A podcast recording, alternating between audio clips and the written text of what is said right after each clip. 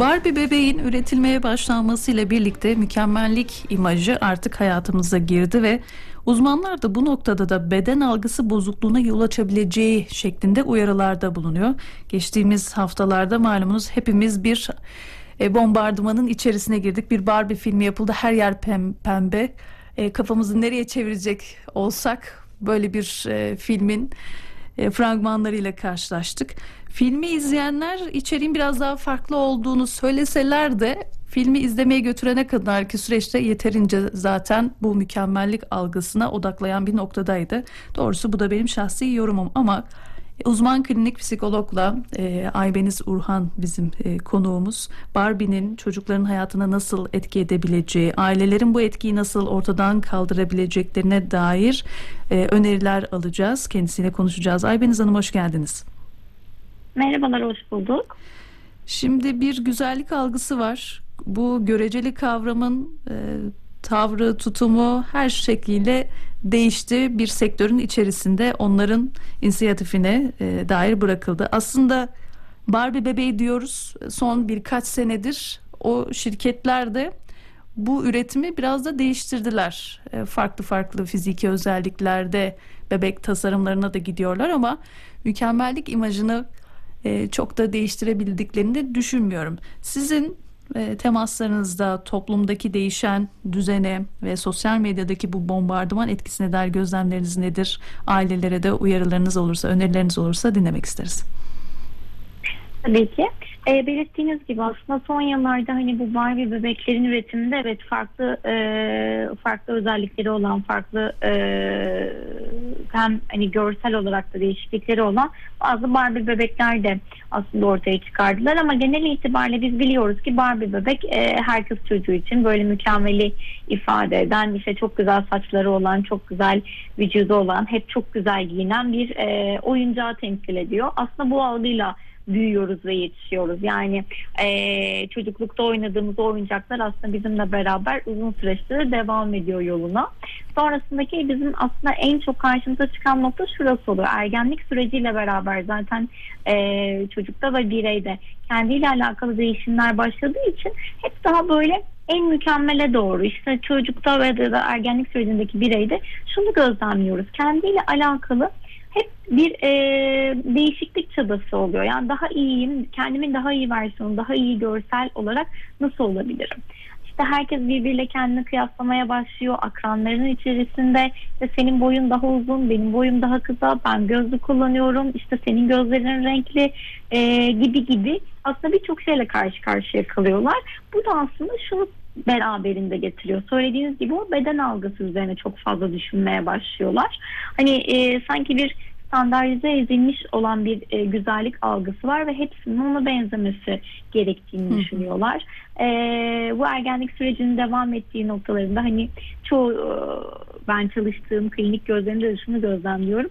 Aslında bir arkadaşının yaptığını hepsi yapmaya başlıyor. İşte evet. o arkadaşının yaptı o zaman e, bu doğru, bu güzel olan ben de bunu yapmalıyım gibi. Burada sık sık ailelerle de karşı karşıya gelebiliyorlar. Aileler her ne kadar aslında işin sağlıklı boyutunda, sağlıklı tutumunda kalmak isteseler de e, ergenlik sürecindeki birey bunu çok kolay kabul etmiyor. Tabii ki her zaman onlara yakın olan görüş arkadaşlarının hani o görselliklerinde gördükleri o mükemmele yakın olan görseller oluyor. Zaman zaman kendilerini kilo noktasında çok e, acımasız davranabiliyorlar. İnanın yeme bozukluğuna gidecek kadar e, yeme süreçlerini etkileyecek tutumlarda bulunabiliyorlar. E, sağlıksız noktalarda bulunabiliyorlar.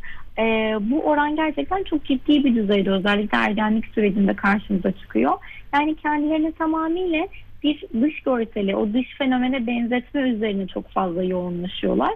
Hatta ve hatta biz e, hani e, günlük hayatımızda şununla da karşılaşıyoruz. Hani sık sık biliyorsunuz ki işte Barbie bebeğe benzemek için ya da Ken mankene benzemek için e, kaç tane ameliyat geçiren ünlüler oluyor ya da ne bileyim işte kişiler olabiliyor. Yani hmm. idealize edilen kişiler aslında burada gerçekten hani o e, güzellik anlayışıyla beraber çok farklı çarpıtılmış bir e, noktada olabiliyor. Bu düşünceyi artık çarpık bir düşünce halinde e, söyleyebiliriz. Yani gerçeklikten kopuyor kişi ve sanki idealize olan o düşünceye karşı böyle bir e, davranışları da o noktada devam ediyor.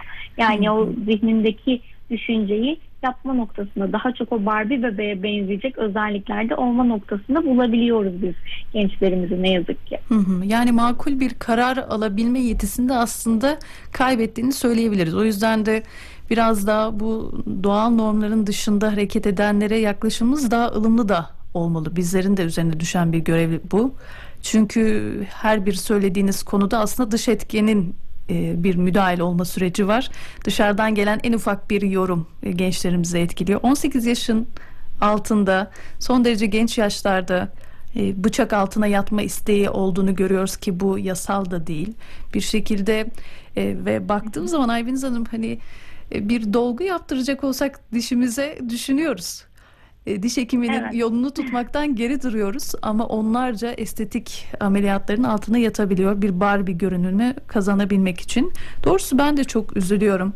E, kendi çevremde de şahit olduğum oluyor. Çok güzel koyu koyu gözleri var. Hakikaten yani güzel bir göz ama renkli olmadığı için kendini uzak tutabiliyor. Hayır güzel değil diyor. Veya çok güzel siyah saçları var. Parlak parlak ve herkesin aslında düşüncesi de öyle.